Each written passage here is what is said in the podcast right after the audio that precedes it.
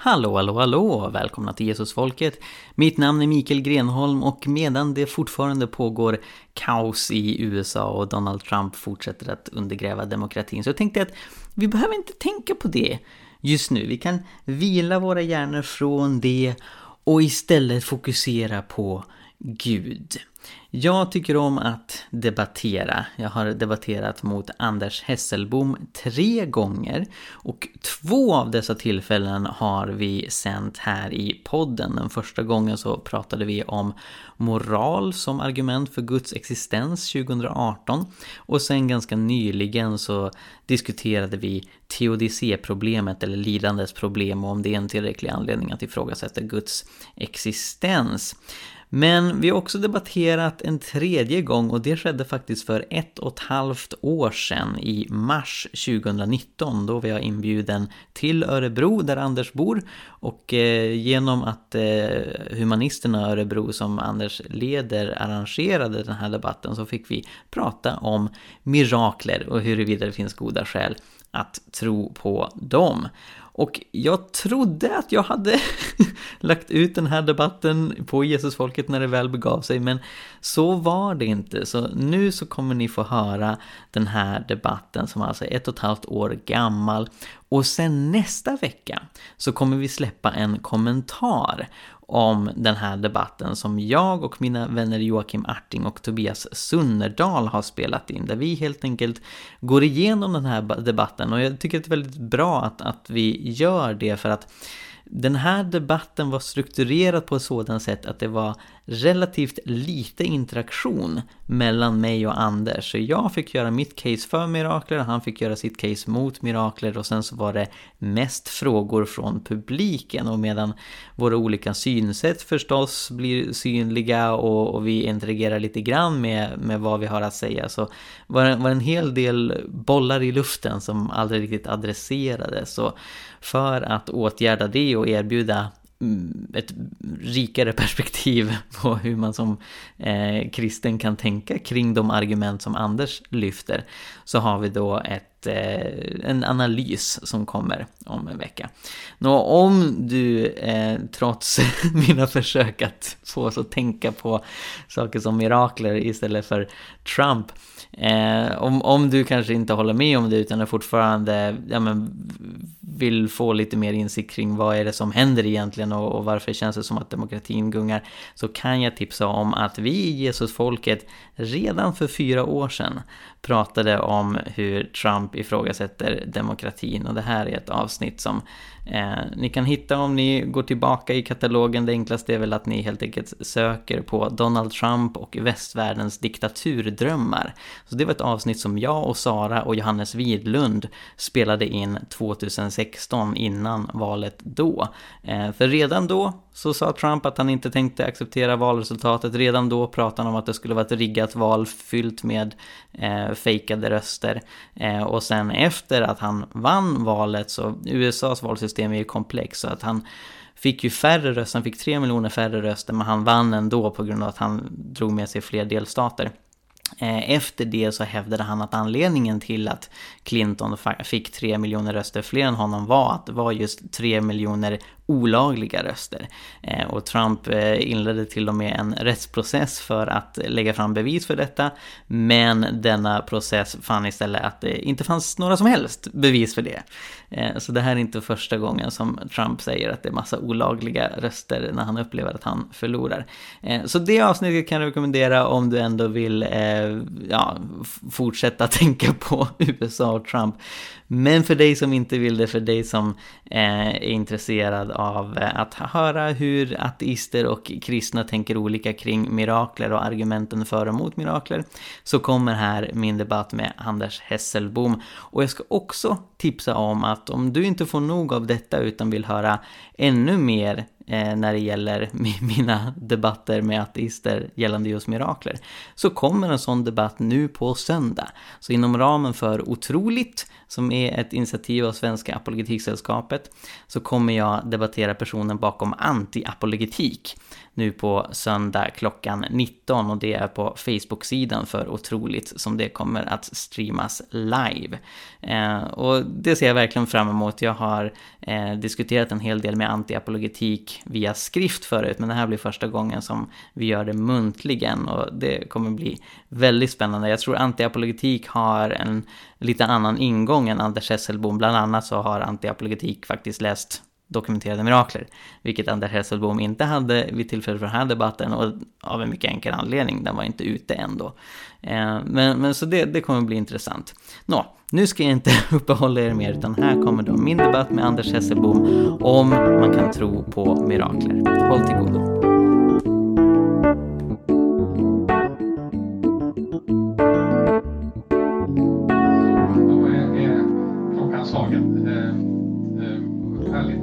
Förväntansfull tystnad här. Eh, varmt välkomna till, eh, till eh, den här kvällens eh, samtal, eller diskussion eh, med rubriken Kan man tro på mirakel? Mirakler, så är det. Eh, jag heter Fredrik Idevall, jag eh, är med i Humanisten Örebro och är den som ska vara lite ordningsman för diskussionen här ikväll. Jag tänkte börja med, innan vi presenterar eh, huvudpersonerna här, eh, komma med lite eh, praktisk information. Ehm, till att börja med så kan det vara så att eh, vi eh, fotar och lägger ut på sociala medier. Så finns det någon här inne som inte vill komma med till exempel på Twitter eller Instagram eller Facebook så får ni säga till nu. För då ska vi se till att eh, vi inte lägger ut den typen av fotografier. Ja, det verkar inte vara någon som har invändningar där, men då, då, vet ni det att det kan vara så att ni till exempel kommer med på en bild som läggs ut på Humanisternas hemsida. Eh, Wifi finns det.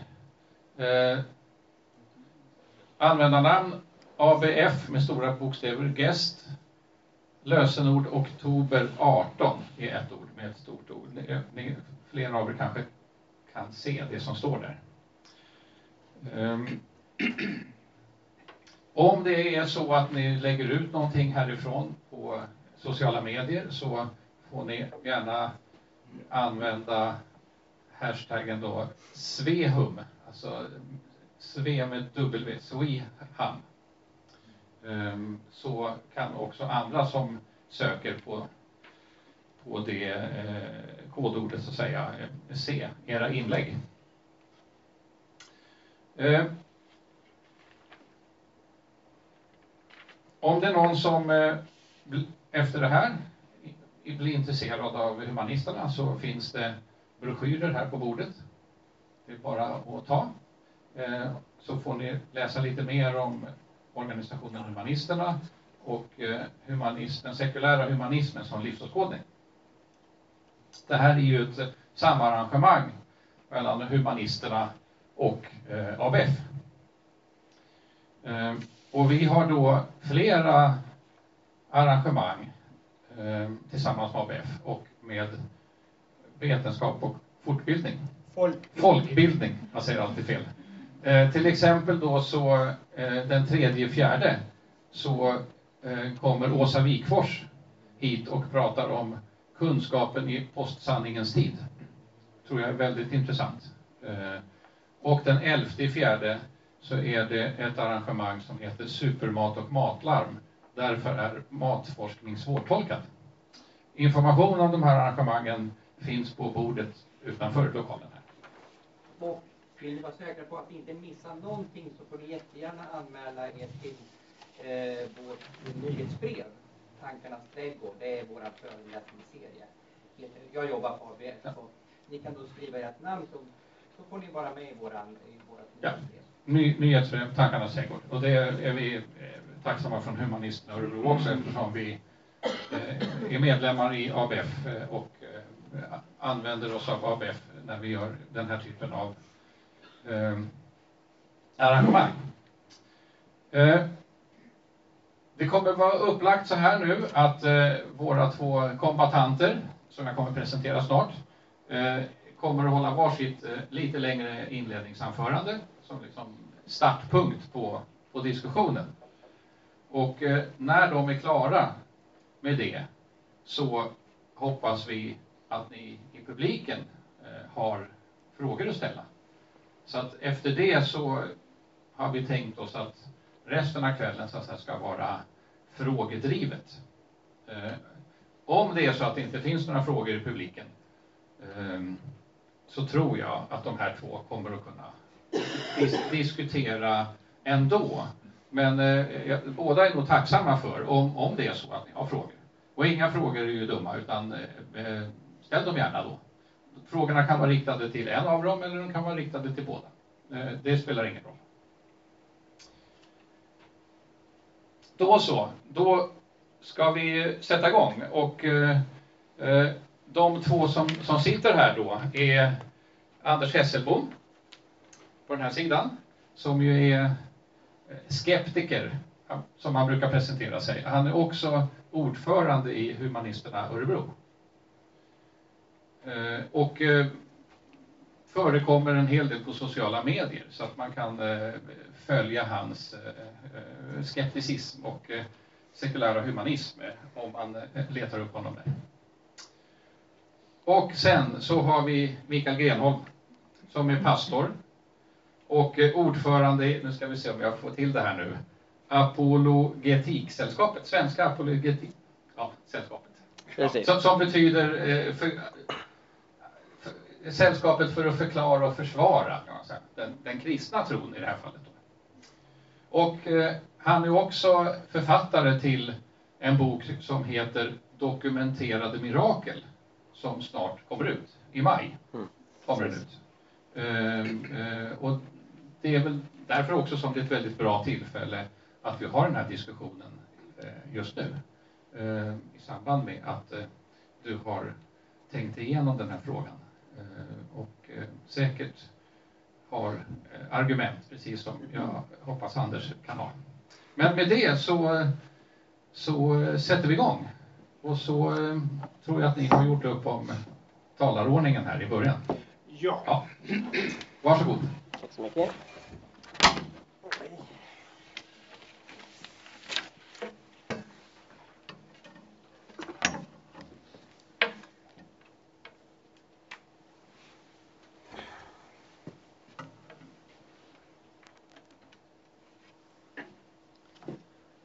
Se om tekniken är med oss. Den kan också behöva mirakler ibland. Searching. Searching. Det ser bra ut. Det på. Nu så, nästan. Tjoff! Sådär. Fantastiskt roligt att få vara här. Eh, det här är inte första gången som jag och Anders debatterar mot varandra. Vi möttes i Uppsala i oktober 2017 och pratade om eh, kan man vara god utan Gud? Vi pratade om moral då. Eh, och då så arrangerades det av Svenska Apologetiksällskapet och min församling Mosaik. Så då var vi på den kristna hemmaarenan eh, och nu så är vi på den humanistiska hemmaarenan, så det känns jättespännande. Eh, och jag ska inte slösa massa tid utan hoppa direkt in i frågan om mirakler vad är egentligen ett mirakel? Hur kan man veta att ett mirakel har inträffat? Är det här ett mirakel? Och hur avgör man det? Om man ser Jesu ansikte på en våffla, hur vet man att det är ett gudomligt ingripande eller att det beror på ett sånt här våffeljärn? Och det här är något som jag har funderat en hel del kring och jag kommer fram till en ganska enkel definition som jag kommer använda ikväll. När jag säger mirakel så menar jag helt enkelt ett övernaturligt fenomen, vilket också kan uttryckas som en händelse som inte enbart beror på naturliga processer. Så jag tror inte att det är ett mirakel om Zlatan slår ett snyggt mål och att han är världens frälsare av den anledningen. Utan när jag säger mirakel, jag pratar inte om fina solnedgångar eller gulliga kattungar, utan jag pratar om typ blinda som ser, döva som hör, saker som händer som inte borde ske enbart utifrån Eh, den, de naturliga processer vi känner till. Och hur kan vi då komma fram till att ett mirakel har inträffat? Det jag gör i den här boken som jag har skrivit, det är att jag utgår från någonting som jag kallar för vetenskapligt oförklarliga tillfrisknanden efter bön. Och det förkortar jag till VOTEB. När jag säger VOTEB så är det inte att jag hostar, utan då syftar jag på det här. Ett tillfrisknande som sker efter bön, men som är vetenskapligt oförklarligt. Och det manifesterar sig ofta som att läkarna vet inte vad som har hänt. De konstaterar att här är någonting vi inte kan förklara med nuvarande medicinsk kunskap. Och om det finns en koppling till bön så har jag inkluderat det i min bok. Därför att jag argumenterar för att det är en god kandidat för mirakel. Och anledningen till att jag har introducerat det här begreppet, votet, det är att jag tycker att det behövs en mellannivå mellan att säga eh, inga mirakler finns och det här är definitivt mirakler. Jag, jag, jag försöker hitta någonting som jag tror att både troende och skeptiker kan vara överens om finns. Och sen argumenterar jag utifrån det att jag tror att det är rimligt att säga att mirakler också existerar. Och det här kallar jag i boken för min eh, trestegsraket. Så jag börjar i Voteb, sen utifrån det argumentera för mirakler och sen när man har etablerat att mirakler finns, så är det ganska enkelt att argumentera för att Gud finns. Eh, men debatten här ikväll tänker jag inte driva ända till toppen. Jag kommer lämna Gud utanför den här debatten. Utan det jag kommer argumentera är att jag anser att det är rimligt att tro att mirakler existerar utifrån att jag tycker det är ganska tydligt att se att botet existerar. Och så kommer jag ge några skäl till varför jag tror att åtminstone vissa Votev borde vara mirakler. Nå, låt mig presentera några Votev, alltså tillfrisknanden som sker efter bön som är vetenskapligt oförklarliga. Candy Gunther Brown vid Indiana University har publicerat en väldigt intressant artikel och sedermera en bok om en studie som hon och några läkare bedrev i Mosambik. Eh, de åkte ner dit 2009 och undersökte syn och hörselnedsatta före och efter de fick bön från ett gäng missionärer som tillhör en organisation som heter Iris Global. Eh, och den här artikeln publicerades i Southern Medical Journal som har peer review. Hennes bok publicerades på Harvard University Press, där hon också utbildade sig så det här är inte liksom någon marginal pseudoforskare utan en respekterad akademiker som argumenterar för att här kan vi se någonting. Och hon går inte så långt att hon säger det här var definitivt Gud, det här var definitivt en mirakel. Men hon nöjer sig med att säga att här har det skett någonting som vi inte kan förklara idag. Och det skedde i ganska direkt samband med bön. Här är några resultaten som hon kom fram till. Då. På övre raden så har vi de hörselnedsatta förändringarna i hörsel. Eh, och ju högre stapeln är desto större hörselnedsättning handlar det om. Ehm, så det här är en individ, det här är vänster öra och det här är höger öra. Ehm, så båda öronen så var det en hörselnedsättning som var över 100 decibel över vanlig, vanlig hörselnivå.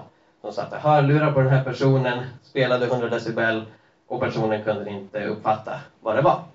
Ehm, efter bön så såg de att hörselnedsättningen gick ner, inte till noll, men ändå ganska dramatiskt. Och ni kan se flera andra att i många fall så gick det ner. Här är en person som bara hade hörselnedsättning på vänster öra eh, och den nästan halverades, vilket är dramatiskt. Här har vi sen också syntester. De var ute i eh, ett väldigt onått område i Mosambik, så det var många som var analfabeter.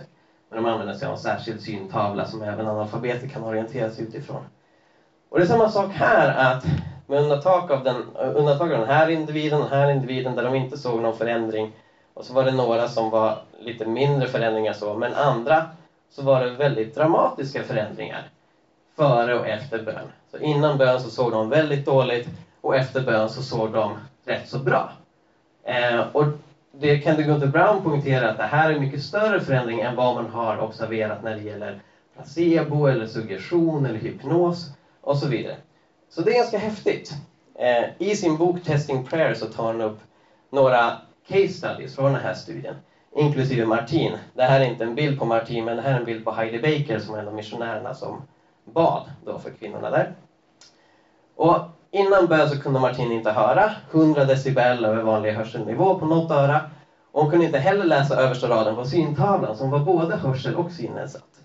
Men efter bön så kunde hon höra 40 decibel i vänstra öra, 30 decibel i höger öra. Synen förbättrades till 2080 som amerikanerna använder sig av. Vilket inte är perfekt syn, men det är betydligt bättre än det var innan. När hon inte kunde se översta symbolen på syntavlan. Så det här är en tillfrisknande som jag skulle säga, med gott samvete kan säga att det här är medicinskt oförklarligt. Utifrån nuvarande vetenskap ska vi inte säga vad det beror på. Ett exempel från Sverige som är också med i boken. Eh, Maria Johansson från Flen. Jag pratade med henne senast i måndags i telefon. Eh, och det kunde hon inte göra tidigare, prata i telefon alltså. Eh, hennes hörsel bröts ner eh, 2012. Eh, cellerna dog och de sa till henne att det här är permanent. Vi ska ge dig ett implantat och utan det så kommer du inte kunna höra någonting. Um, och, och, det gick ganska långt, så 2016 så var hon beroende av hörselapparater för att höra någonting. Hon kunde inte prata i telefon som sagt. Eh, påverkade hennes liv ganska mycket. Eh, men hon gick till sin församling 21 augusti 2016 och fick förbön från två missionärer där.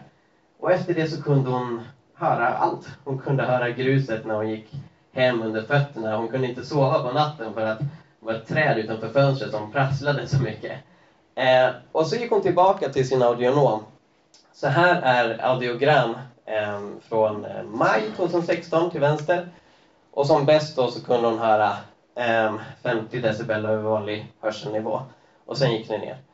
Och det här är det nya resultatet då i september. Ni ser att det går ner lite här på högre diskanter. Så hennes audionom sa det, du kan inte höra syrsorna, men det är en ganska normal hörselnivå för kvinnor i din ålder.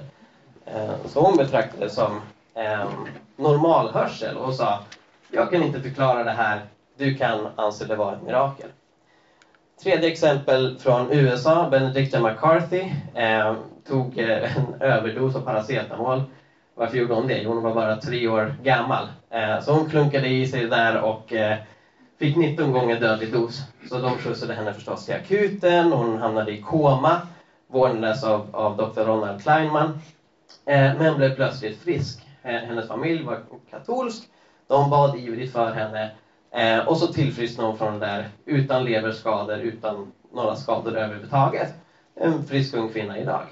Eh, så det här intresserar sig Vatikanen för. Ronald Kleinman eh, som är jude själv, men inte religiös jude, eh, vittnade inför det här i Vatikanen och sa att ja, jag, jag har ingen religiös lutning, men jag tror man kan säga att det är ett mirakel. Det är varför ett oförklarligt tillfrisknande. Jag, jag förstår inte hur det här har gått till.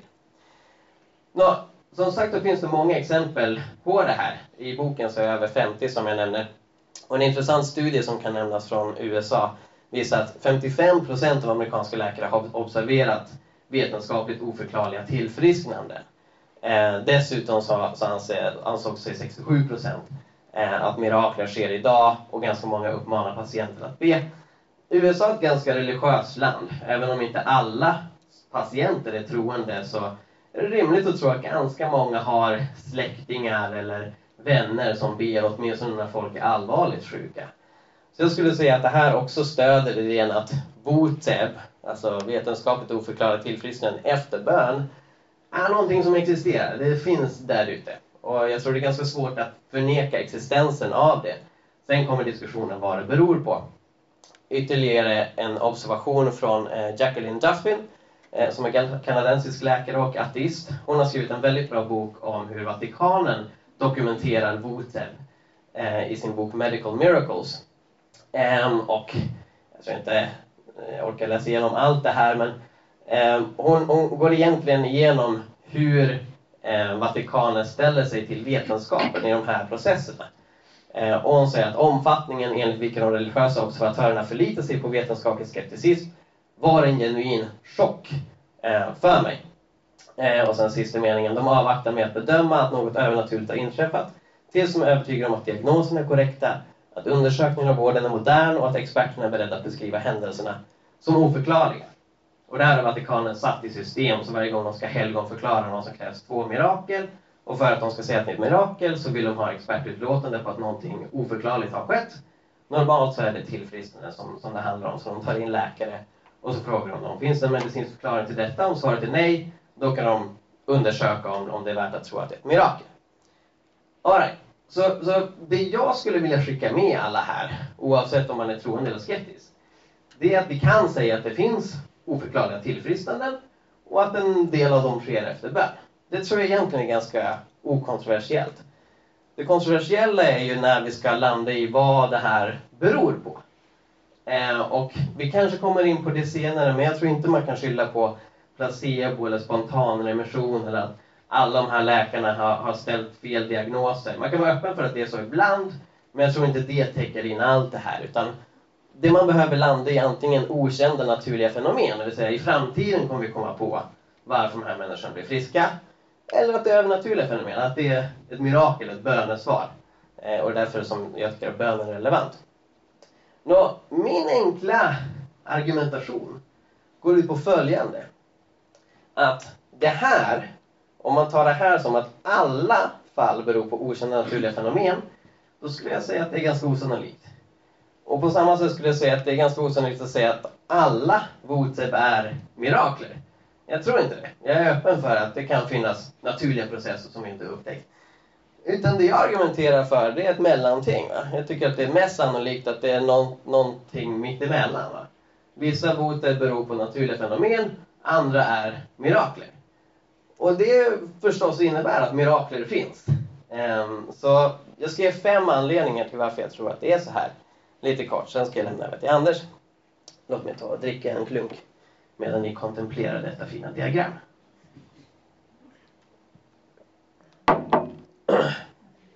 Här kommer då mina fem anledningar till att jag tycker att det är osannolikt att alla voteb beror på okända naturliga fenomen. För det första, jag tycker det är ganska uppenbart att miraklet inte är omöjliga.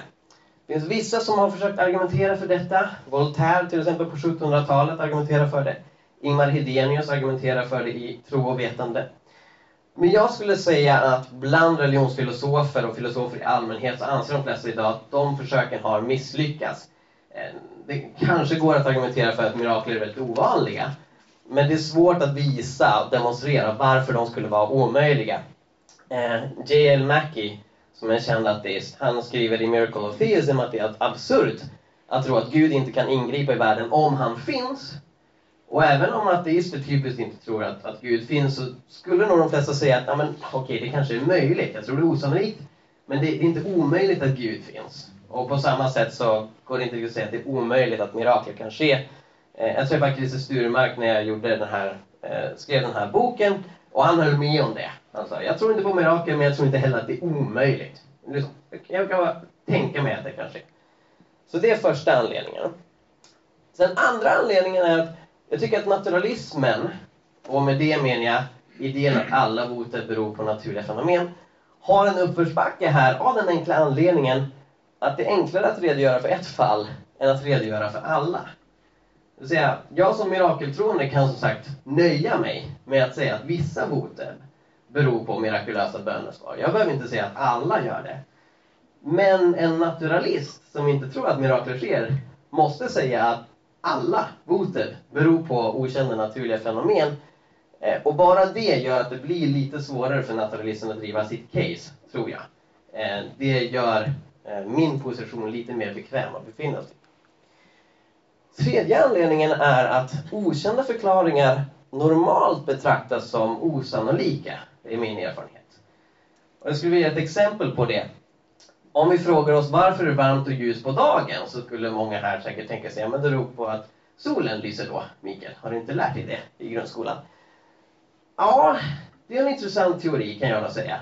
Men det kan ju bero på något annat. Vad då? Ja, det vet jag inte. Det har vi inte kommit på än. Men det kan ju vara någonting annat som gör att det är varmt och ljust på dagen än att det skulle vara solen som råkar vara uppe då. Och grejen är, jag tror det är svårt att säga nej, så är det definitivt inte. Det, det är klart det kan vara någonting som vi har missat. Va? Den, den möjligheten får man vara öppen med. Men jag tror de flesta av oss skulle vara överens om att det är ganska osannolikt. Och på samma sätt att säga, nej men det finns okända naturliga fenomen. som gjorde att Maria kunde höra, att Martin kunde se, eh, att Benedikta eh, inte drabbades av, av några leverskador. Ja, möjligt, men jag vet inte hur sannolikt det är att liksom satsa lite hästar på någonting som vi inte känner till. Så av den anledningen så tror jag också att naturalisterna har mer av en uppförsbacke här än vad de mirakeltroende har. Och sen skulle jag också vilja tillägga att Votep ser väldigt olika ut. Eh, Duffin har undersökt eh, alla Votep sedan 1500-talet som Vatikanen har dokumenterat i, i, i samband med eh, sina helgonförklaringar. Så bara under 1900-talet så hittade hon 500 fall som hon ja, egentligen redogör statistiskt för i boken Medical Miracles. Eh, hon ger några intressanta uppgifter om vad det är för typ av fall. Hon hittade 79 fall av tuberkulos, 22 fall av hjärtsjukdomar, 41 fall av cancer, 59 fall av olika ortopediska problem. Eh, någon som hade en, eh, vad heter det på svenska, heter det klumpfot? Clubfoot på, på engelska. Som rätades ut på ett mystiskt sätt. Um, och därtill i, i, min undersökning så har jag också sett då tillfrisknande från blindhet och dövhet som jag tidigare redan nämnt. Hjärnskada, en kille i Umeå eh, som blir helt frisk från det till förvåningen på, eh, för läkarna på neurorehab på Umeå universitetssjukhus. Allergi, ALS, en man från, som heter Per-Ola som jag träffade också i måndags. Som, som fick diagnosen ALS. Och efter att han friskförklarades så har läkarna inte gått tillbaka och sagt vi måste ha fel. Utan de argumenterar för att det här är ett väldigt ovanligt tillfrisknande av ALS och vi kan inte förstå vad som har hänt. MS med mera. Och, och grejen är att i och med att botet ser väldigt olika ut eh, så blir det svårare tycker jag att säga det är definitivt ett naturligt fenomen som inte kommer på än. Jag skulle säga att, att det är svårare att tänka sig att det finns massa olika naturliga fenomen som vi fortfarande inte upptäckt. Eh, än att liksom om, om alla oförklarade tillfällen vi såg var cancer till exempel, då tror jag att naturalismen skulle ha ett mycket enklare case att argumentera för att här är ett naturligt fenomen som inte upptäckt än. Och sist men inte minst, eh, flera av de votep som jag har sett kombineras med andliga upplevelser. Eh, och med andliga upplevelser menar jag saker som att de ser en syn eller liksom det finns någon slags förutsägelse där. Eh, de hör en röst. Eh, den här killen i Umeå som blev frisk från hjärnskada, han blev frisk exakt samtidigt som hans vän Lydia bad för honom eh, flera kilometer därifrån. Och, och, grejen är att många ateister blir inte särskilt imponerade av de här grejerna isolerade, alldeles strax klart. Men, men, när det kombineras med ett oförklarligt tillfrisknande så tycker jag det styrker idén att här finns det ett mirakel. Så av de anledningarna så skulle jag som sagt säga att det mest sannolika är att vi befinner oss här någonstans emellan eh, naturliga fenomen och övernaturliga fenomen. Jag skulle säga att det är en blandning, vilket leder till slutsatsen att mirakler finns. Och min bok går att beställa om du vill sätta dig in i mer hur jag argumenterar för det. Tack så mycket.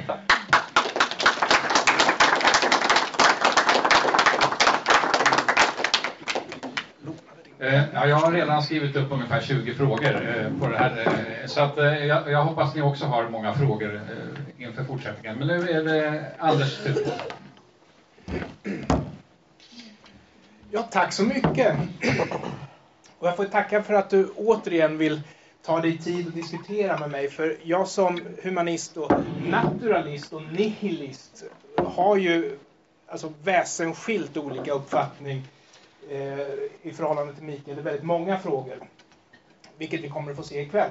Och jag vill också passa på nu att tacka ABF för gott sam samarbete och även Humanisterna Örebros hårt arbetande styr styrelse. För jag vet att jag utsätter er för ganska mycket ni ska göra och rodda i. Och eh, jag skulle säga att vi rör oss in på någonting som jag tycker är ett traditionellt katolskt område, nämligen det här med miraklet. Till skillnad från Mikael så kan inte jag lova att jag håller ljud utanför debatten för jag tycker att det är ganska intressant att dra paralleller och, och ni som som sagt följer mig på sociala medier vet ju att det, det är en fråga som jag trivs väldigt bra att diskutera. Men om vi börjar då med definitionen så hoppas jag att ni kommer se att jag definierar det här, oj förlåt mig, att jag definierar det här med mirakel ungefär likadant som Mikael.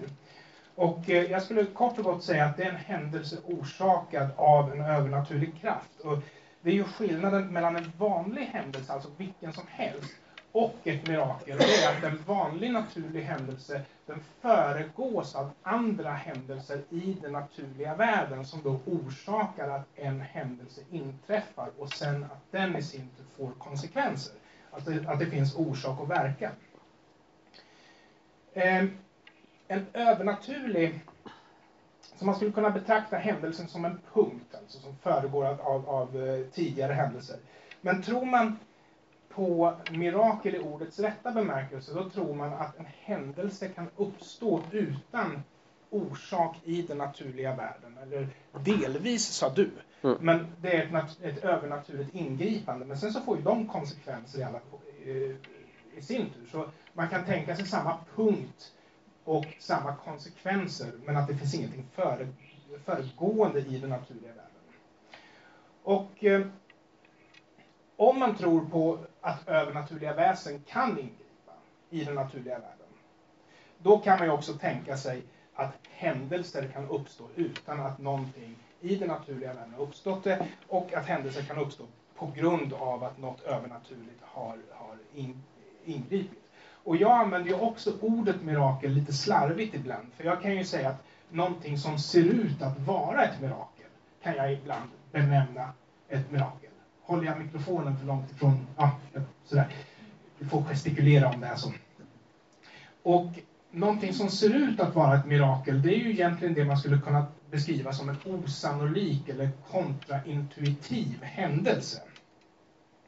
Men därför ska jag försöka vara noga med att istället för att säga mirakel när jag menar någonting som är kontraintuitivt eller till synes osannolikt, så ska jag nu använda mirakel så som Mikael använder mirakel, det vill säga att det är övernaturligt ingripande som har försiggått. En, en, och inte då en kontraintuitiv händelse. Och eh, om jag ska börja med att exemplifiera på just det så skulle vi kunna tänka oss att vi spelar an på eh, Jesu uppståndelse. Tredje dagen eller när det var, det beror på vart man står rent teologiskt. Men år 2018 så lyckades forskare återuppliva en död grishjärna och hålla den i liv under 36 timmar. Så det är alltså inte fel i sig själv att tro på sånt som ser ut att vara mirakel. Men skillnaden är ju att grishjärnan tickade igång på grund av händelser i den naturliga världen, hur kontraintuitivt det än må vara. Och de händelserna skulle alltså vara de åtgärder som forskarna vidtog. Medan Jesus hjärna antas ha tickat igång ändå, utan några naturliga orsaker. Förmodligen Gud dock, kan man tänka sig. Så det man alltid bör göra, bör göra är att studera evidens som finns tillgänglig. Och i fallet med grisen så finns det en peer-reviewad artikel. Och jag tror att nu kommer vi väl till min huvudpoäng. I fallet med Jesus så finns en religiös agenda. Och den agendan handlar om trovärdighet och makt. Och jag skulle säga att du har tangerat till det här. Och nu kommer jag som sagt trycka så hårt jag kan, men du ska få chans att, att trycka tillbaks sen. Och vi har som sagt debatterat förr och jag vet, jag tror att jag då varnade dig, men du lämnade den debatten med ett leende på läpparna trots att jag hade avfyrat den tyngsta salva jag någonsin hade. Så jag, jag kör på igen. Genom att trycka på övernaturliga inslag så ger man sanningspoäng till den bakomliggande religionen. Och med den så får religionens apologeter auktoritet. Om Jesus inte föddes av en jungfru, är han då fortfarande Guds son? Och om Jesus inte är Guds son, är då det Jesus säger i egenskap av Guds son lika relevant? Och är männen som företräder Jesus idag lika viktiga? För en skeptiker så är det här resonemanget helt befängt. För vi anser att påståenden belastar den som uttalar påståendet med mer bevisbörda. Vi anser att själva förklaringen till en händelse måste vara förklarad på ett sådant sätt att det rimmar med annat som vi tror oss veta. Men i det övernaturliga lägret, där är precis allting möjligt. Där är det här ett rimligt sätt att resonera. Ungefär så här. Man låter ett orimligt påstående, nu pratar jag som skeptiker igen, till exempel Jesus är Guds son, få legitimitet från ett annat orimligt påstående. Till exempel, Jesus gick på vatten. Och så förväntas vi tänka att om Jesus gick på vatten, då kan det bero på att han var Guds son. Om han inte gick på vatten så utmanas en väldigt viktig dogm, nämligen den att Jesus inte alls var Guds son. Därför kan man inte ha ett öppet sinne. Och resonemanget är inte helt olikt föreningen Genesis syn på evolutionsteorin. Det är alltså en kreationistförening. Om evolutionsteorin är korrekt så kollapsar grundpelarna i kristendomen. Alltså är evolutionsteorin inte korrekt. Hmm. Begging the question, tror jag det heter. Så som alltid när man försvarar övernaturliga väsen eller fenomen så har man bevisbörda som den som ifrågasätter de här sakerna inte behöver axla. För i frånvaron av goda skäl att tro på mirakel, i ordets rätta bemärkelse, det vill säga någonting övernaturligt, så är det alltså den som försvarar förekomsten av mirakel som eh, har bevisbördan. Att anta att mirakel inte förekommer eller har förekommit är det neutrala hållningssättet. Jag undrar om vi har någon som vill komma in kanske. Det är så folk utanför och tittar. Ja, men tack Fredrik, jättesnällt. Och just mirakel skulle jag säga är extra svårt att leda i bevis eftersom man måste kunna skilja på en naturlig förklaring när den saknas eller när en naturlig förklaring är svårfunnen. Och jag kan dessutom tänka mig att det här är extra svårt för den som hoppas att mirakel verkligen finns. Eftersom den får rätt om ingen naturlig förklaring finns. Letar man verkligen? Eller söker man egentligen efter bortförklaringar till potentiella naturliga förklaringar? Med tanke på att människan har visat sig vara eh, förmögen att tro på, ursäkta, vilka dumheter som helst under förutsättning att man vill att de ska vara sanna, så misstänker jag ju faktiskt det sistnämnda. Om man skulle kunna tänka sig en kristen person som gör vetenskap av sin tro genom att kanske hävda att jag inte kan bevisa att Gud inte finns. Jag behöver såklart inte bevisa att Gud inte finns eftersom det inte har producerats några goda skäl att tro på Gud. Så jag kan avfärda de här eh, påståendena ganska lätt. Men skulle det vara så att jag lyckas producera bevis för att Gud inte finns, då kan ju de i sin tur lätt avfärdas med så kallade ad hoc-teorier av den troende. Till exempel om jag hävdar att Gud bryter mot logiken, då kan den troende säga att Gud behöver inte underkasta sig logiken. Så den som försvarar något övernaturligt kan unna sig att vara flexibel. Vilket gör att det kan vara svårt att producera negativ evidens för mig som hävdar att några övernaturliga ting inte finns. Och det är inte bara sant i frågan om Guds existens, utan det är sant i frågan om mitt mirakels existens också. Så jag tänker också ta upp några mirakel hämtade från verkligheten. Katolska kyrkan de utreder ju verkligen mirakel eftersom katolska kyrkan helgonförklarar människor. Och eh, det går till så att om det är så att man kommer fram till att det har skett ett mirakel, eller om det är två kanske, eller ja, mm. fler mm. mirakel kring en person. Ja, det, det är ett, eh, ett mirakel för saligförklaring och sen ett till för helgonförklaring. Tack så mycket. Så utreder man det här på riktigt. Och då har man tre utredare där en har rollen som djävulens advokat. Och jag antecknade ner ordet som jag glömde bort där. Advocatus diaboli kallar de det för.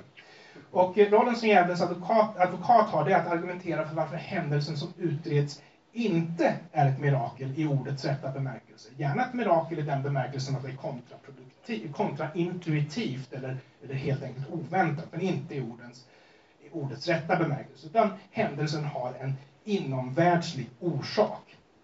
Men ofta kan prestige och ideologi stå i vägen för det jag skulle säga den annars uppenbara sanningen. År 1959 så spelade ett eh, eh, filmteam in en dokumentärfilm om Moder Teresa i regi av Malcolm Muggeridge.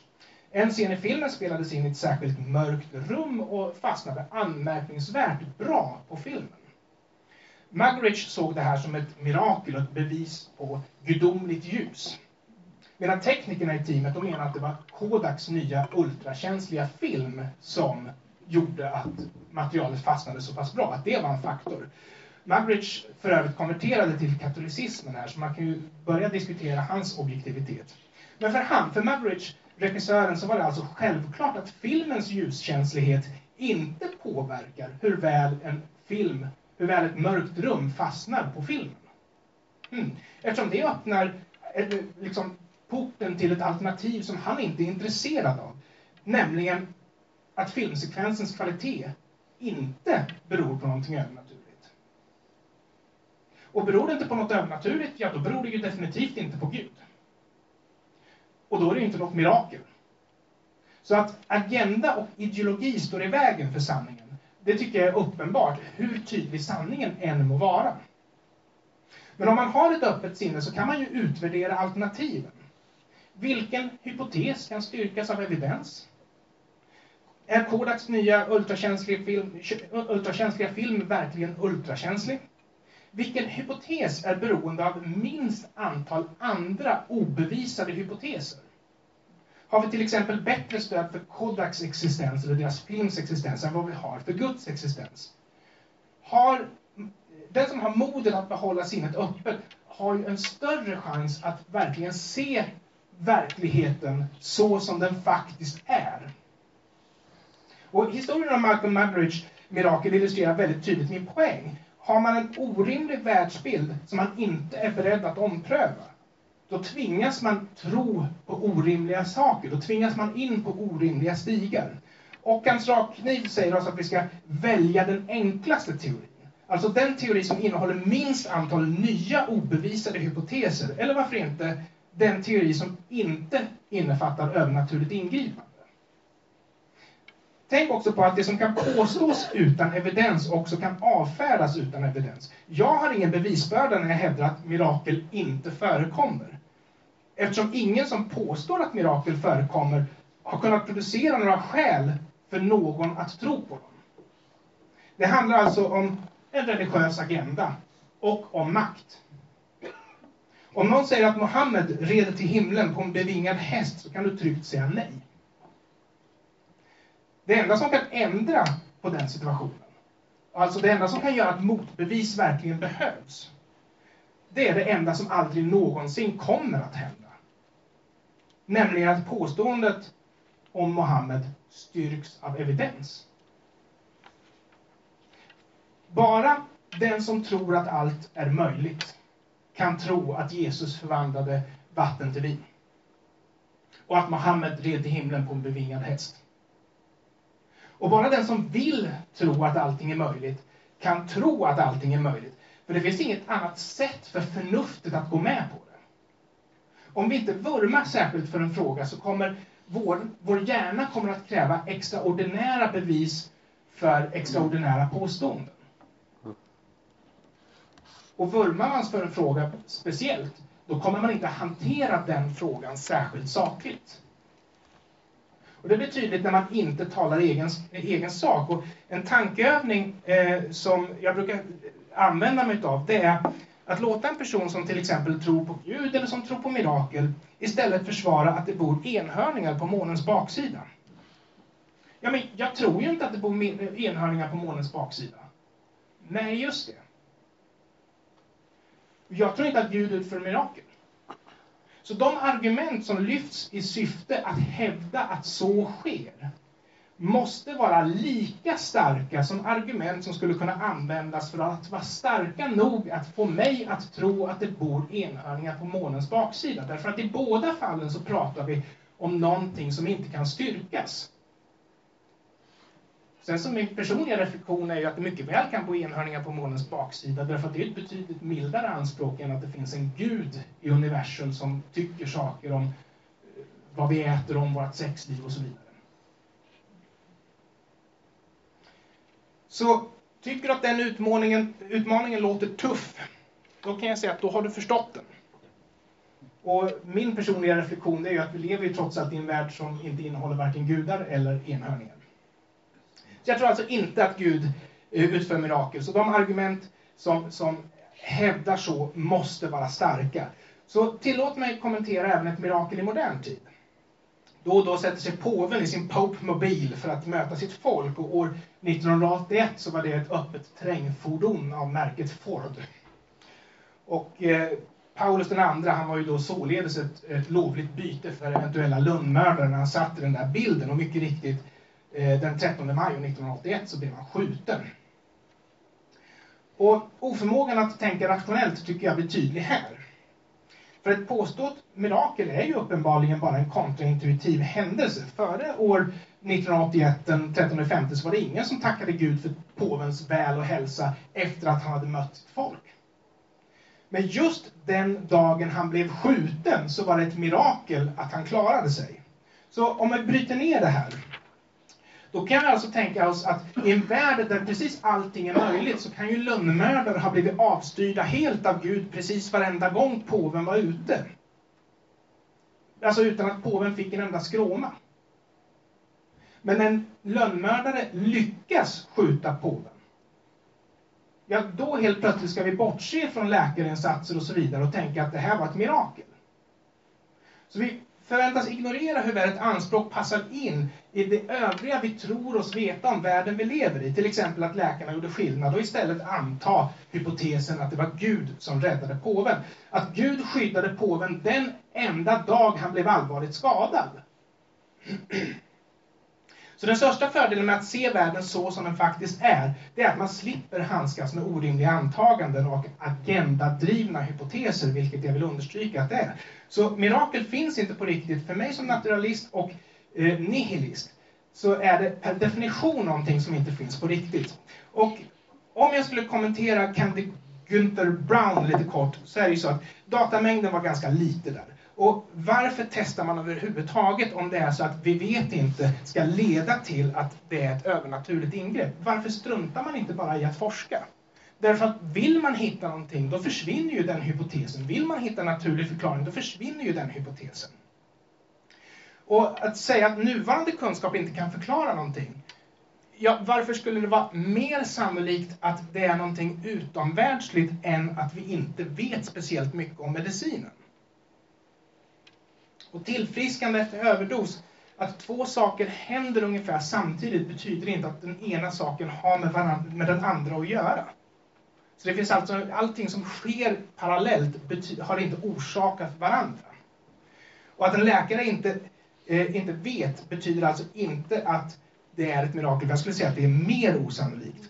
Och jag skulle avslutningsvis vilja säga att eh, naturen finns. Och därför så skulle jag vilja säga att jag, jag stöttar Ockham. Och jag hoppas inte jag dragit över tiden. Jättebra.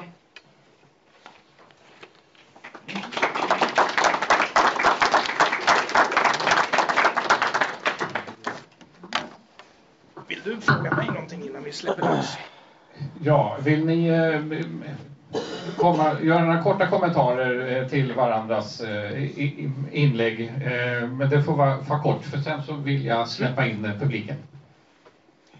Ja, konkret, det som jag angrep dig för nu, det, det är ju liksom att vi vet inte betyder inte alltså övernaturligt. För jag skulle säga att, att vi inte vet är ju i sig mer sannolikt än att någonting övernaturligt ingriper. Och med tanke på alla de övernaturliga väsen som skulle kunna ingripa så, så, skulle jag säga att det aldrig skett vad vi vet. Um, du nämnde att du tyckte att det är neutralt att anta att mirakel inte sker. Uh, och jag håller inte med om det. Jag tycker att den neutrala utgångspunkten det är att vara öppen för att mirakler kan ske men inte sätta ner foten, alltså den agnostiska positionen.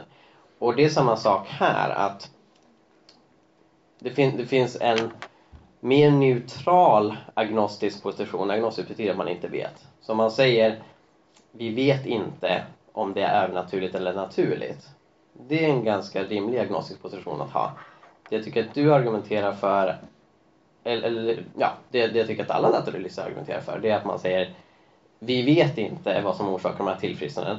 Alltså är det naturfenomen som vi kanske kommer hitta, på, hitta i framtiden. Och, och, och det jag menar är att det är både osannolikt att säga att alla oförklarliga tillfrisknanden är mirakler, definitivt. Och jag skulle också säga att det är osannolikt att säga att alla oförklarliga tillfrisknanden definitivt är naturliga fenomen. Och det är det jag argumenterar för. Ja, eh, en, en kort till dig och en kort till dig, sen så blir det publiken. Ja, yes. Absolut, absolut. Jag, jag, skulle säga att vi vet inte allt som naturlig förklaring. det skulle vara defaultpositionen, men jag vet inte. För jag måste ju också vara agnostiker. Men de bevis som vi har att förhålla oss till, det vi vet tidigare, det är att det brukar vara naturliga förklaringar. Men att jag erkänner att jag är agnostiker betyder inte att jag säger att det är 50 chans att det är någon gud, någon demon, någon ängel och att det är 50 chans att, att det finns en naturlig förklaring. Eh, jag vet inte om jag kommer vinna på Lotto, men troligtvis inte. Därför att vår erfarenhet säger oss nej. Jag förstår att det är din utgångspunkt. Och, och även om du inte citerar honom direkt så är det lite David Humes tankar som jag tycker du, du för vidare. Han hade ju en idé om liksom vår, vår enhetliga erfarenhet är att naturlagarna råder. Eh, och där skulle vi komma tillbaka till att de flesta människor, både internationellt och historiskt, har ansett att det övernaturliga är en del av verkligheten. Så naturalismen är ganska ny. Eh, och sen så sa du också att extraordinära händelser kräver extraordinära bevis. Jag tycker att det bara krävs goda bevis. Eh, och liksom så här, om, om man har goda skäl att tro någonting så, så borde det räcka. Jag tog upp det därför jag såg att du skrivit så på sociala medier. Ja. ja, ska vi se då om det finns eh, några frågor i publiken. Eh, tack så mycket. Henrik Emsjö, medlem i Humanisterna här i Örebro. Eh, jag har en liten fundering eh, kring det här med att hålla öppet för mirakel. Åh, oh, ursäkta, absolut. Eh, att hålla öppet för mirakler. Eh, om vi gör ett litet tankeexperiment och byter ut just eh, mirakel mot någonting annat som inte heller går att förstå eller acceptera särskilt intuitivt och så vidare. Ehm, och jag skämtar inte nu, det låter som att jag kanske kommer att skämta eller driva mig, jag menar det helt allvarligt. Om du tror att till exempel tomten existerar, eller andra naturväsen som vi liksom kanske har trott. Um, om liksom det är Tors vagn som leder till åska och så vidare. Eller andra saker som vi inte förstår, eller har förstått. Så min fråga är väl mera, var drar du själv gränsen kring vad som är tänkbart att ens tro på, så att säga. Om man öppnar för att mirakel är eh, möjliga, så har man för mig öppnat den dörren väldigt, väldigt långt. Mm. Man bör till och med kunna acceptera existensen av tomten. Jo men precis. I, i diskussionen här ikväll så har vi bara kommit eh, tre fjärdedelar i min bok. och sen så handlar resten om eh, orientering i en mirakulös värld. Då blir ju första frågan, okej okay, men hur förhåller vi oss till de olika religiösa uppenbarelserna? Eh, det som är viktigt att inse är att, att det är en ganska skarp skillnad mellan naturliga orsaker och övernaturliga. Eh, och beroende på vem man frågar så vissa mytologiska väsen ansåg man ju ändå vara naturliga grejer, va? som tomtar och troll och så vidare. De var ju som djur i, i princip. Va? Eh, så det skulle ju teoretiskt kunna ingå då i liksom okända naturliga fenomen, även om det inte är så många som tror på det. Eh, men, men i och med att jag har en ganska bred och religionsneutral mirakeldefinition, jag definierar inte mirakler som eh, handlingar utförda av den kristna guden till exempel. Eh, utan jag, jag använder medvetet en, en väldigt bred definition bara för att etablera att jag tror att det är rimligt att anse att det finns något övernaturligt. Och sen så diskuterar jag vidare, okej okay, hur ska man förstå det? Givet att mirakler finns, hur ska man förstå mirakulösa fenomen i olika religioner? Och jag tror inte jag hinner gå in i detalj på hur jag tänker Nej, där. Det, men, det gör du inte. men jag landar i att kristendomen är rätt förvånande nog. Jag tycker att frågan eh, gör det uppenbart att eh, vad du tror är kulturellt betingat. Och jag skulle också säga att den visar ju på varför det är viktigt att ha ett öppet sinne. För låt säga att vi verkligen lever, att du verkligen tror att det är Tor som orsakar os åska och blixtrar och dunder. Så om jag skulle vara lika fastlåst och vurma lika starkt för det så skulle det i princip bara räcka att du påpekade för mig så skulle du ha mig på på min sida. Men eftersom jag vill ha ett öppet sinne så måste jag säga att ja, men, det är mer troligt att det är ett väderfenomen. Så, så jag, jag, jag tror att man ska ha ett öppet sinne.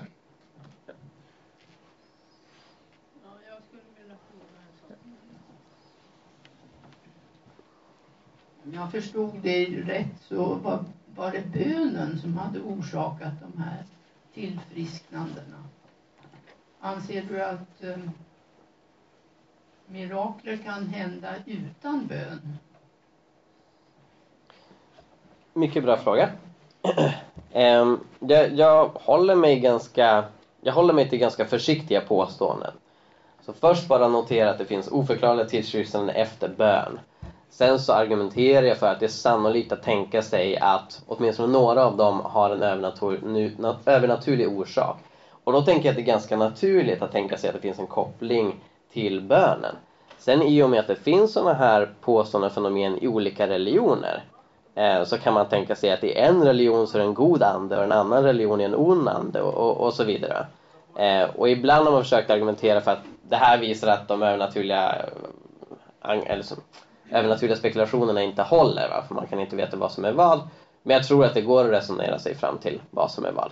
Eh, så jag, jag, jag, är öppen för att ibland kan det vara naturliga fenomen som vi inte upptäckt än, som gör människor friska och att det råkade samverka med bönen.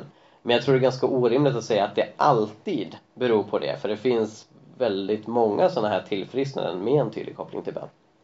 Då får jag säga att det är inte ett försiktigt antagande, eh, eller försiktigt... Därför att det vore försiktigt att säga, ja men det är förmodligen naturligt. Att, att eh, ta steget från att det är naturligt till att det är övernaturligt är enormt. Därför att vi vet så lite om vilka magiska fenomen som verkligen förekommer. Och de flesta som har granskats har visat sig inte vara det. Det stora steget är ju egentligen inte att koppla eh, helandet till att det är Gud som helar istället för eh, Mohammed eller, eller vad det nu kan vara för någonting. Det stora steget är att det går från naturligt till övernaturligt och att det säljs in som ett litet steg trots att det är ett helt annat paradigm.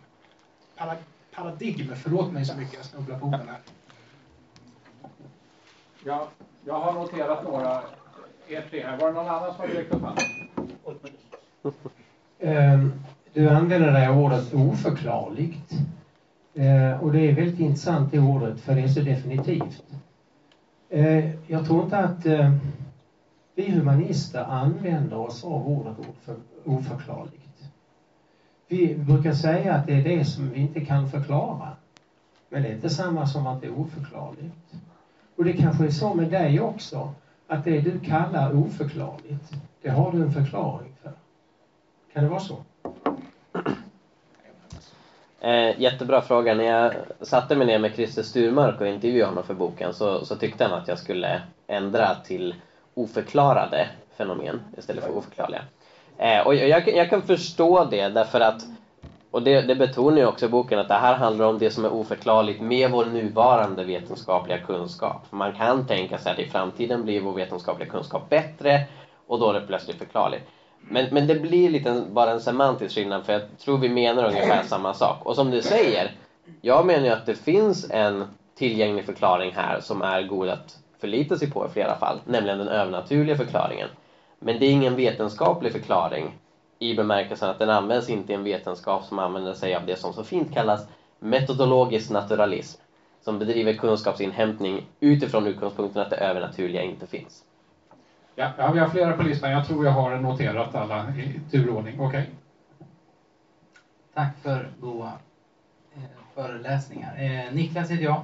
Anders, jag vill fråga dig en grej. Jag tycker du kommer smiter undan lite för lätt med... Jag håller helt med om att det är väldigt mycket av...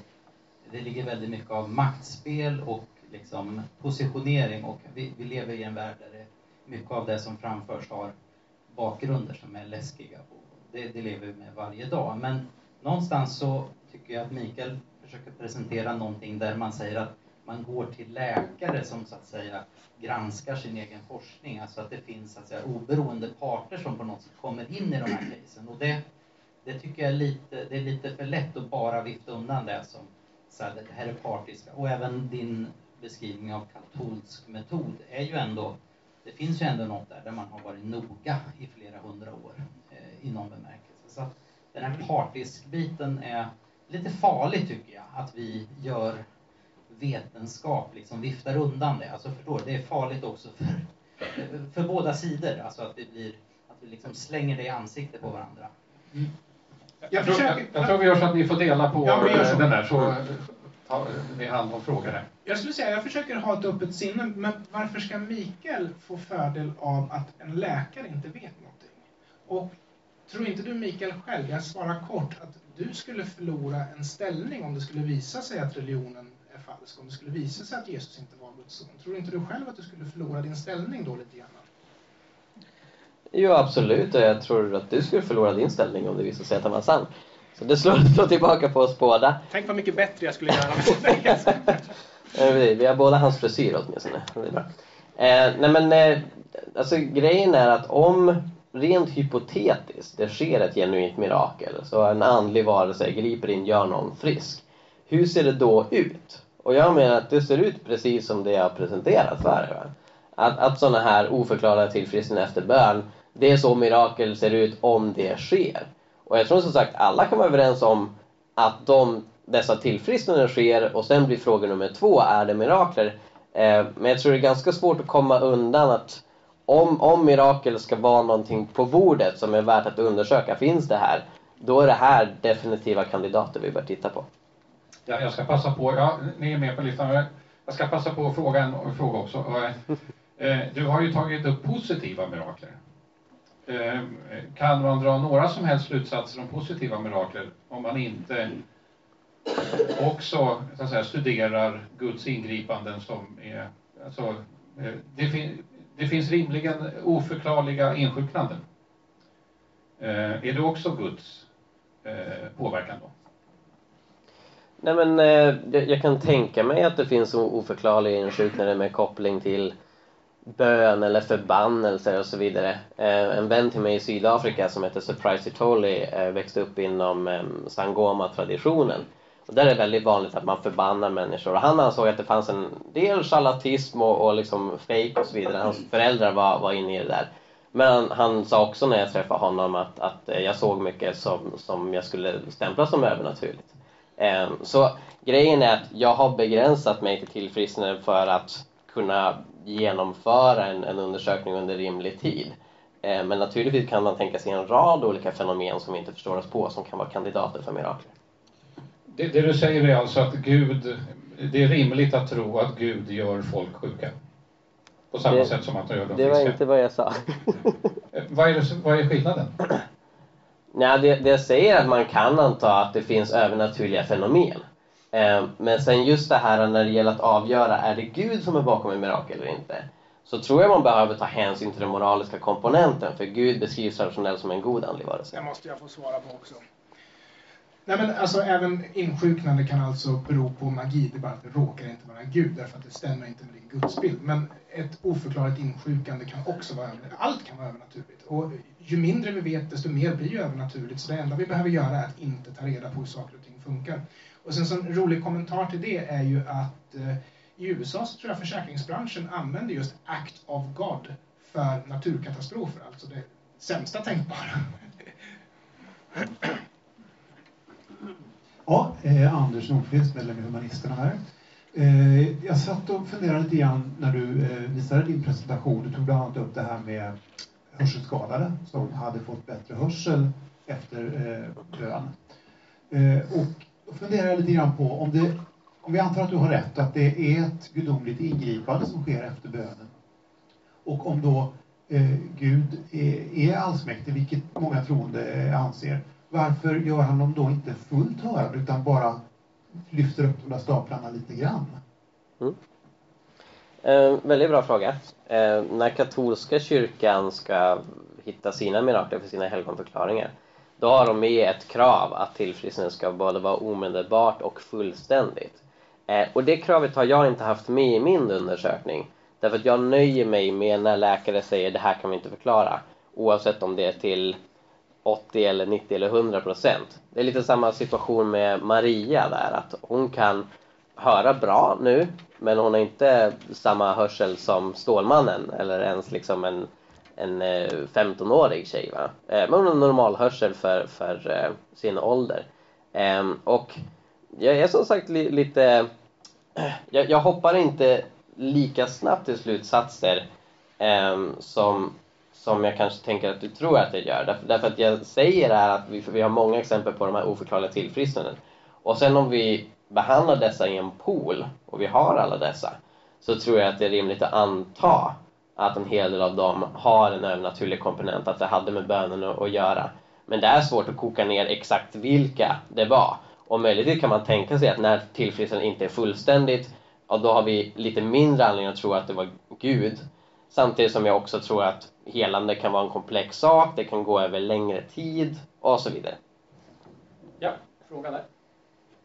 Jag heter, Sven-Georg, är gammal fysik och filosofilärare och tänkte säga ett par ord om orsakslagen som de flesta har svarat självklart. Det var ju ett av eh, Immanuel Kants syntetiska a priori, att allt som sker har en orsak. Nu är det ju så att om kvantmekaniken är riktig, vilket väldigt mycket tyder på, så finns det ju händelser som inte har någon orsak.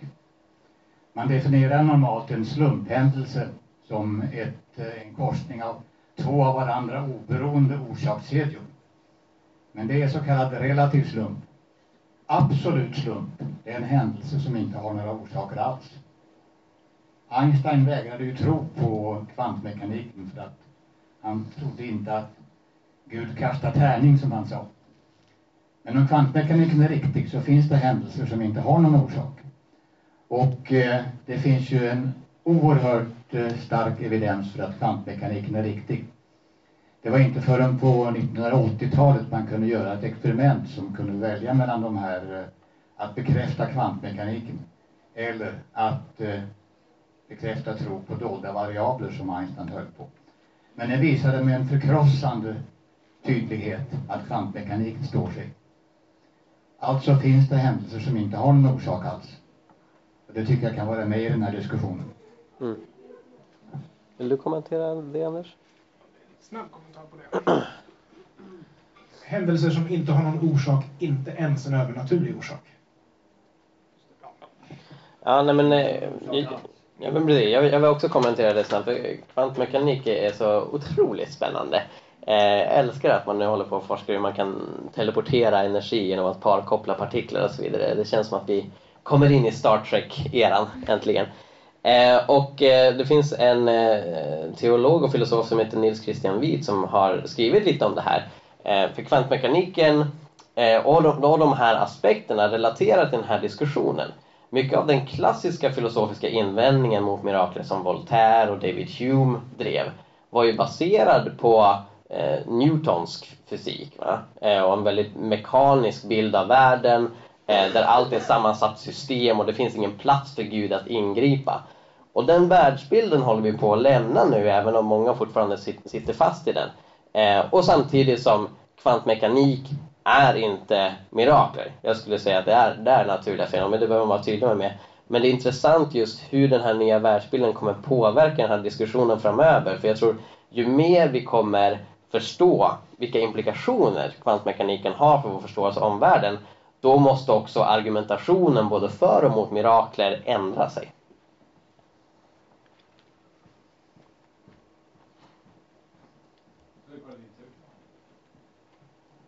Tack. Eh, ja, jag heter Lars Specialia. Eh, jag har, det här är kopplat till, till bön väldigt starkt då. Och jag funderar lite grann på, jag har ingen statistik, men jag har en stark känsla av att i de flesta obehagliga situationer så finns det människor som ber för någon. Det borde vara en väldigt liten andel som bönen har framgång. Hur sannolikt är det att det är bönen som då påverkar det hela i, i rätt riktning? Ja, det går att utveckla det här vidare också förstås. Nej men precis. Det två grejer. Dels är det intressant att du lyfter det här att det är väldigt ofta som människor ber. Eh, och det ställer till det lite för det som till exempel Richard Dawkins kallar för det stora böneexperimentet. En studie där man delar in folk i tre grupper och kollade, okej, okay, får de som får bön, eh, klarar de sig bättre under en bypass-operation? Och man fann sig att, att de som fick bön klarade sig lite sämre, pinsamt nog. Eh, men den studien har problem, dels för att man inte bara tillfrågar kristna utan några new ageare, men dels också för att det är väldigt svårt att säga när har man inte fått bön? Alltså, även om vi inte kunde kontrollera i den studien att de här patienterna får bön så någon kan ju ha för en mormor och sådär. Så, så det är väldigt klurigt. Eh, och, och, jag skulle säga så här att det är en utmaning varför inte alla blir helade. Det är en väldigt stor teologisk utmaning. Det relaterar otroligt starkt till eh, lidandets problem som jag tycker är det bästa argumentet mot Guds existens som vi som är troende verkligen behöver handskas med. Och det finns lite olika svar och ingångar eh, som man kan ge på det. Eh, jag har inte en kalvinistisk världsbild, det vill säga att Gud styr precis allt som sker och att jag lyfter min hand nu, det är liksom Gud som har en marionett där uppe. Eh, och, och, det underlättar när man handskas med de problemen men, men det är något som jag skriver en del om i boken för det behöver man prata om i de här samtalen. Ja, ondskans problem är ju, eller lidandets problem, det är ju bara ett problem för de som tror. För att för oss hänger ju faktiskt pusselbitarna ihop och det känns faktiskt ganska bra. Men jag skulle bara vilja komplettera det här med experimentellt se hur effektiv bön är. Det är ju att vi får ju svaret varenda gång det går en fotbollsmatch. Därför att båda lagen anser sig ha Gud på sin sida. Ja, hejsan. Marcus heter jag. Jag har en fråga till Mikael. Eh, Hej. Jag, jag vill försöka förstå ändå vad som händer rent vetenskapligt om man blir botad, någon mening. Om man får bättre syn, bättre hörsel. Om man skulle kunna vara där då och filma samtidigt med kamera i ett mikroskop, skulle man då kunna se molekyler materialiseras ur ingenting med ögats molekyler på något sätt sätts samman på ett bättre sätt? Eller skulle man kunna se molekyler komma flygande in i ögat? Vad har du för bild av hur det ser ut under själva miraklet, så att säga? En mycket bra fråga. Ehm, en del sjukdomar är ju neurologiska när det gäller blindhet till exempel. Vissa ser inte eller har nedsatt syn eh, på grund av hjärnan snarare än ögonen medan andra har, problem med ögonen. Så det kan ju se väldigt olika ut. Eh, och jag tror inte Candy Gunther Brown går in i detalj. Jag, jag har ett vagt minne, och ni, ni får kolla det i, i grundkällan sen eh, om, om ni är intresserade. Jag har ett vagt minne om att en av de här personerna beskriver hon faktiskt som att hon själv kunde se att den här eh, personens ögon var alldeles igengrumlade och sen efter bönen så var den grumlingen borta och då undersökte de inte mikroskopiskt men de kunde ändå se att någonting hade hänt med ögonen. Vilket är väldigt fascinerande. Eh, och det är en del andra tillfrisknande också som jag har med i boken som har väldigt synliga effekter medan andra är ju mer interna processer inuti kroppen som är svårare att se utanpå men med röntgen och liksom blodprover och så vidare så kan man ändå konstatera att en förändring har skett. Och det är det som jag har som krav för att ta med det i boken. Att läkare ska kunna observera det och nå slutsatsen att det här saknas en medicinsk förklaring till. Jag vill ju då bara påminna om det här med saklighet även när man vurmar för frågan. Det är ju därför vi har vetenskap. Det är ju för att vi ska förlänga våra sinnen och faktiskt inte komma fram till det vi tror oss veta redan från början. Ja, har en... Ja, en kort sak till då här. Eh, jo, eh, om man då kan få hjälp att se bättre eller bli mindre hörselskadad. Samtidigt finns det ju andra människor som ber för sina liv och dör medan man ber. Hur väljer Gud ut vem han ska lyssna på, vem han ska besvara? Ja, mycket bra fråga. Eh, och det relaterar till det vi sa tidigare om, om lidandets problem. En aspekt av det är att utifrån en kristen världsbild, och det kan ju vara svårsmält för de som inte delar den, men kristen och många andra religioners världsbild så är ju döden inte slutet. En annan aspekt är också att jag tror inte det enbart hänger på vad Gud väljer att lyssna på och vad Gud vill, eh, så att säga. Eh, och det, alltså, det här går oundvikligen in på teologi. Eh, så jag hamnar liksom i min pastorsroll när jag ska besvara frågan om varför inte han blir helad och varför det finns lidande och så vidare. Eh, men jag skulle säga att även utifrån det bibliska materialet eh, så är det tydligt att både den andliga världen och den mänskliga kroppen är komplexa. Det är många saker som spelar in och det är väldigt svårt att på individnivå säga att det var precis det här som gjorde att vi inte fick bönesvar. Men det finns också generella principer som jag tror att man kan gå på um, för att liksom öka sin tro, öka um, ja, men sin, sin hängivenhet. Ehm, men sen också vara öppen för att ibland så har, har Gud en annan plan, en annan väg.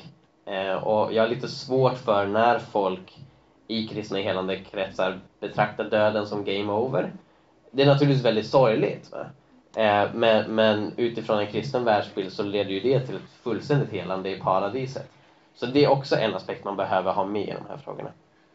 Jag ska, innan du får komma in, för jag vet att du har, så, så ska jag spinna vidare på det här. Tycker du själv att det är moraliskt av din Gud att bota människor som folk ber för, men eh, inte bota dem som inte får bön? Vad är din egen åsikt? Tycker du att det är en moralisk Gud?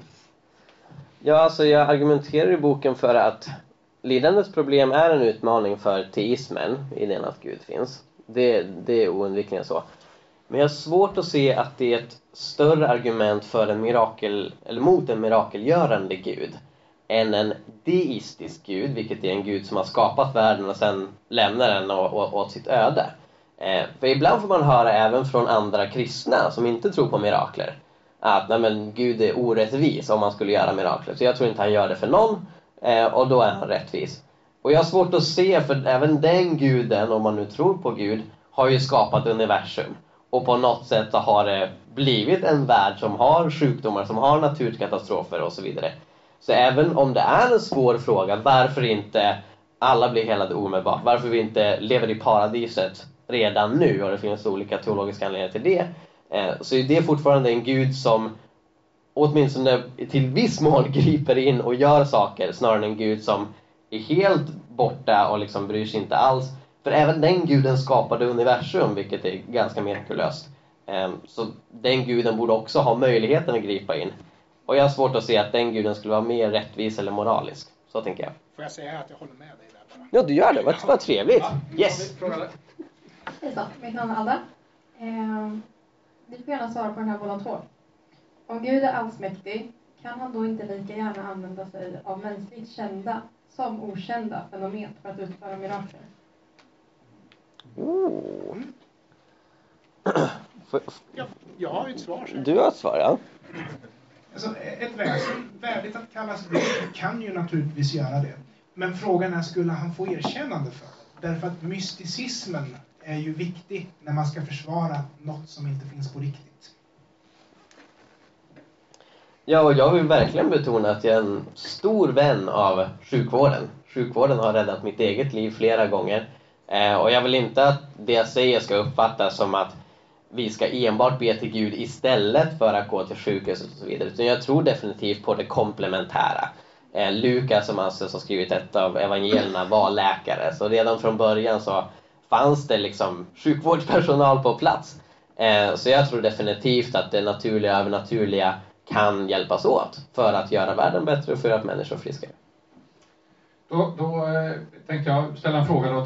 De exemplen du visade här var ju inte... Inget av dem var ju någon sån här fullständiga dubbelblindtester. Eh, det, kanske, det kanske var sånt som du inte visade, men det här med Mosambik. Eh, jag, jag utgår ifrån att man också hade en testgrupp som inte den här organisationen bad för och testade deras utveckling av hörsel och syn. Nej, det hade man inte. Då är det ju väldigt svårt, och, enligt min mening, att dra några slutsatser huruvida just bön eh, har spelat roll. Eh, det, det anser inte jag.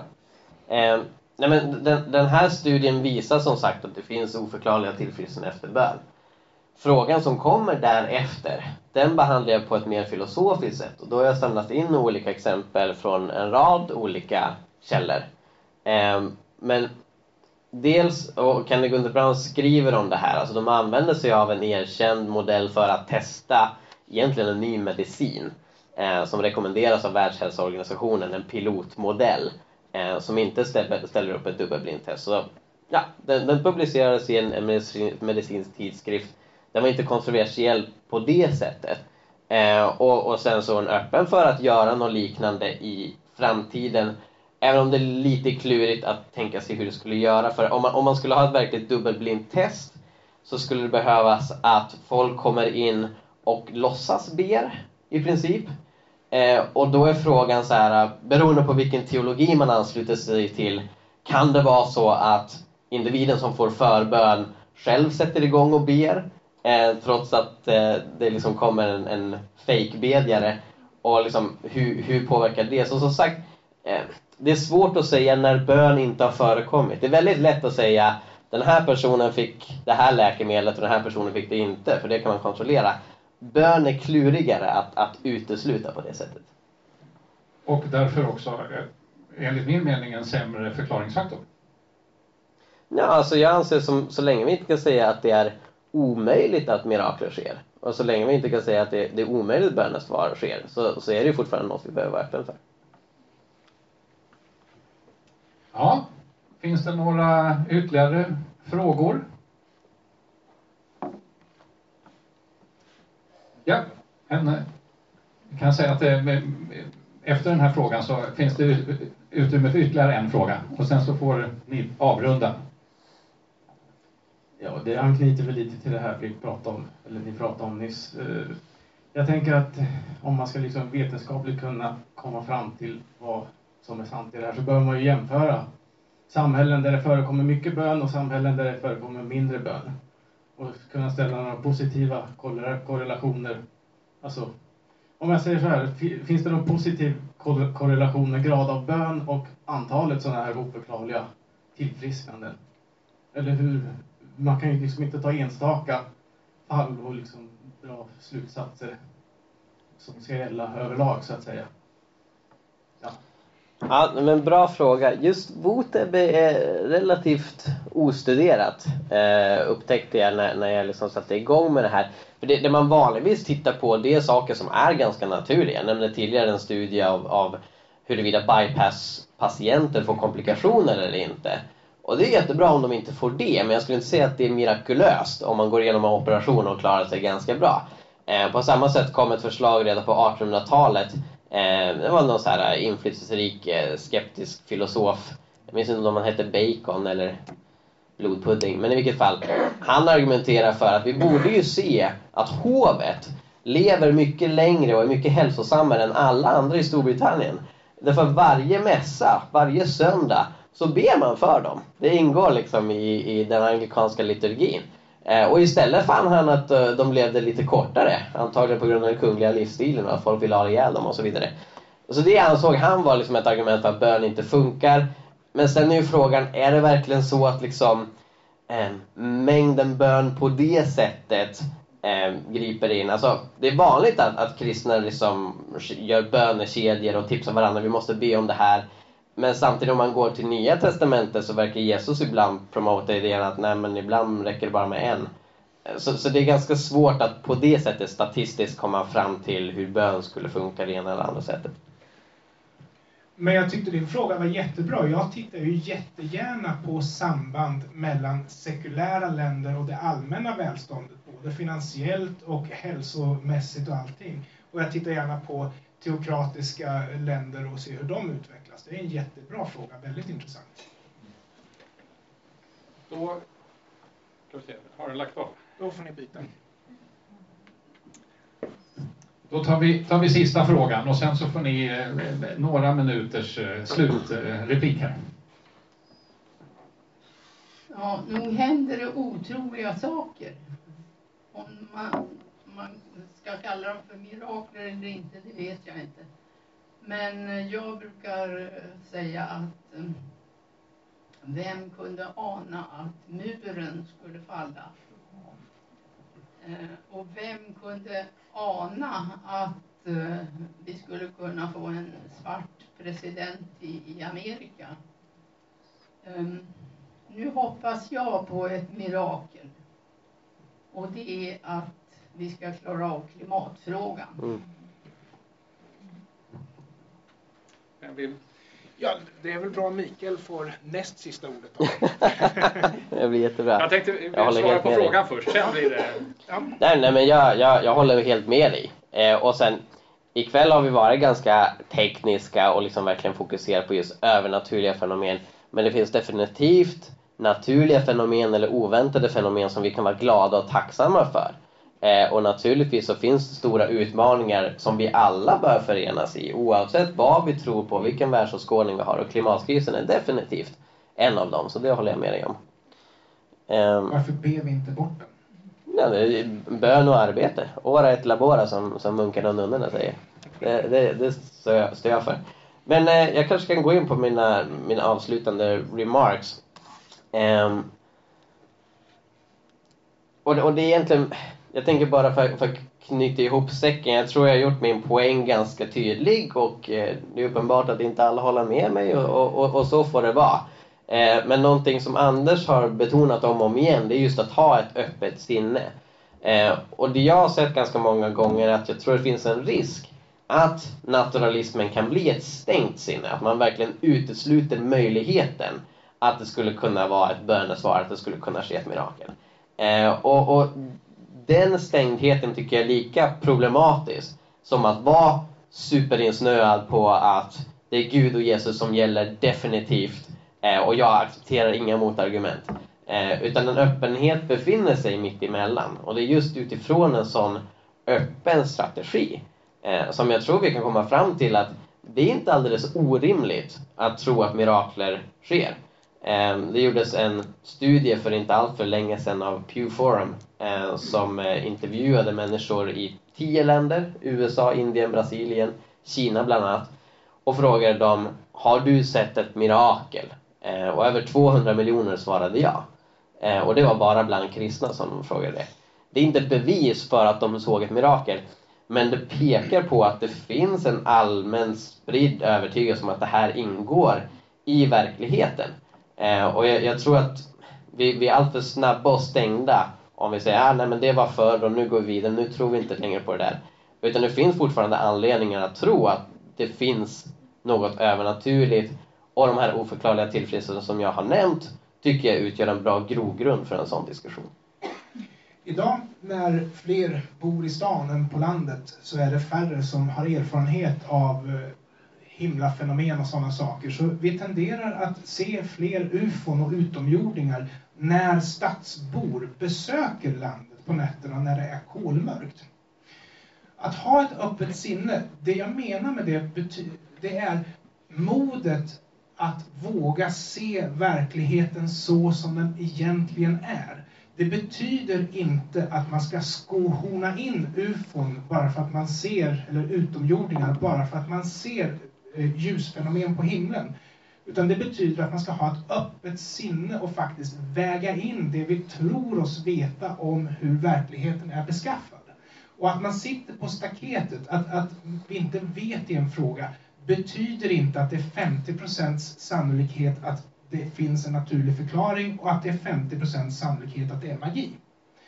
Därför att i vissa fall så är det ju så att vi kan utvärdera det vi tror oss veta och komma till slutsatser och se om de om de följer utifrån annat vi tror oss veta och om, eh, och om konsekvenserna som vi kan räkna ut stämmer med det vi faktiskt tror oss se i, i hur verkligheten är beskaffad. Så att ha ett öppet sinne, men det menar jag inte att ta alla övernaturliga fenomen på allvar. Men det menar jag att utvärdera bevisen och våga se verkligheten så som den faktiskt är.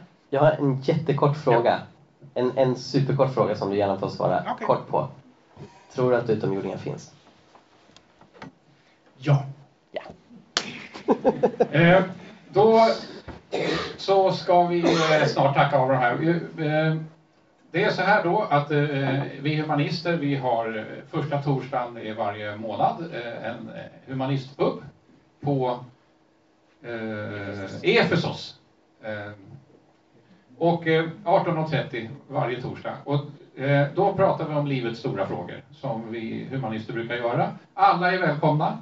Eh, särskilt välkomna kan man säga sådana som inte är humanister eh, för att eh, prata med oss. Om man vill, om man vill diskutera livets stora frågor så är alltså alla välkomna till våra humanistpubbar. Och det är nu nästa torsdag, om en vecka precis, så är en humanistpub på Efesos 18.30. Vi brukar ha små grejer på borden som man ser var, var, var vi är någonstans. Och som sagt, alla är välkomna. Då kan vi fortsätta diskussionen där eftersom vi nu måste tacka de här två kombatanterna eh, så mycket med en stor applåd.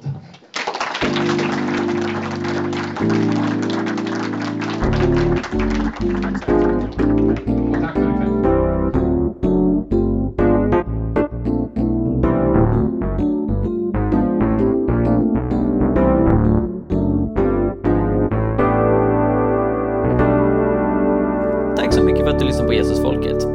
du vill höra mer så se till att prenumerera på iTunes, Spotify eller valfri podcastapp. Du kan också lämna en recension, vilket är en eh, liten grej att göra som hjälper oss väldigt, väldigt mycket, så det uppskattar vi verkligen.